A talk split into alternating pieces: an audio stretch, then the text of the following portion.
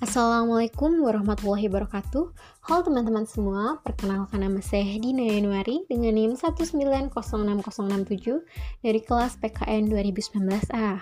Nah, teman-teman sekalian, di sini saya merupakan salah satu anggota dari kelompok 7 nih, yang kemarin telah membahas mengenai kasus perdagangan manusia atau human trafficking, teman-teman.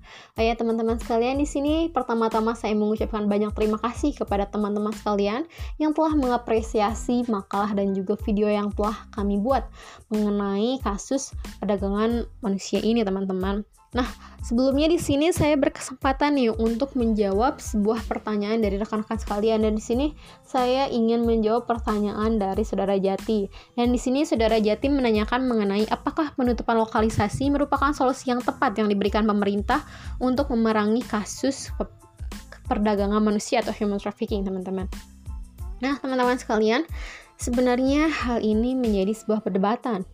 Perdebatan mengenai penutupan lokalisasi sebagai bentuk perang terhadap perdagangan manusia sudah mengemuka sejak puluhan tahun lamanya, teman-teman pemerintah dan akademisi selalu tak sejalan nih ketika mendiskusikan kebenarannya. Nah, dikutip langsung dari sumber Rappler.com, Ibu Fifah sebagai mantan Menteri Sosial dulu pernah mengatakan bahwa negara harus mengambil posisi melindungi warganya. Jangan sampai ada perdagangan orang yang terlembaga. Maksud dari terlembaga ini yaitu tempat lokalisasi itu, teman-teman. Nah, jika negara membiarkan lokalisasi, berarti negara juga memperbolehkan perdagangan orang untuk tetap terus bertahan di Indonesia.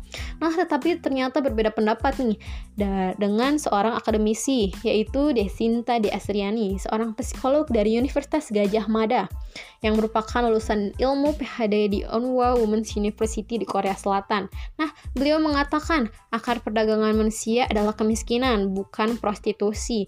Nah, harusnya kemiskinan yang dicari solusinya, bukan sekedar menutup lokalisasi teman-teman. Akibat terjerumus dalam kemiskinan, Pelaku bebas memodifikasi perempuan, bahkan sebagian perempuan terpaksa menikah di bawah umur. Ada juga praktik penjualan perempuan di bawah umur, teman-teman. Sungguh miris sekali ternyata. Dan juga beliau tak meyakini nih penut dengan adanya penutupan lokalisasi dapat menekan angka perdagangan manusia. Dalam kasus perdagangan manusia, pembahasan mengenai pelaku dan jaringannya tak bisa kita abaikan begitu saja teman-teman.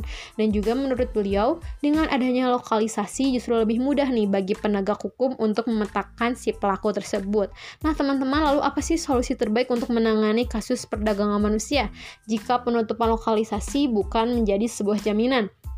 Nah, selain penegakan hukum untuk pelaku perdagangan manusia atau germo, beliau juga mengusulkan nih penelitian di bidang akademik, teman-teman. Nah, selama ini katanya tidak ada bukti metodologis ataupun empiris nih e, mengenai e, atau mengenai suksesnya penutupan lokalisasi ini sebagai upaya untuk mengurangi perdagangan manusia, teman-teman.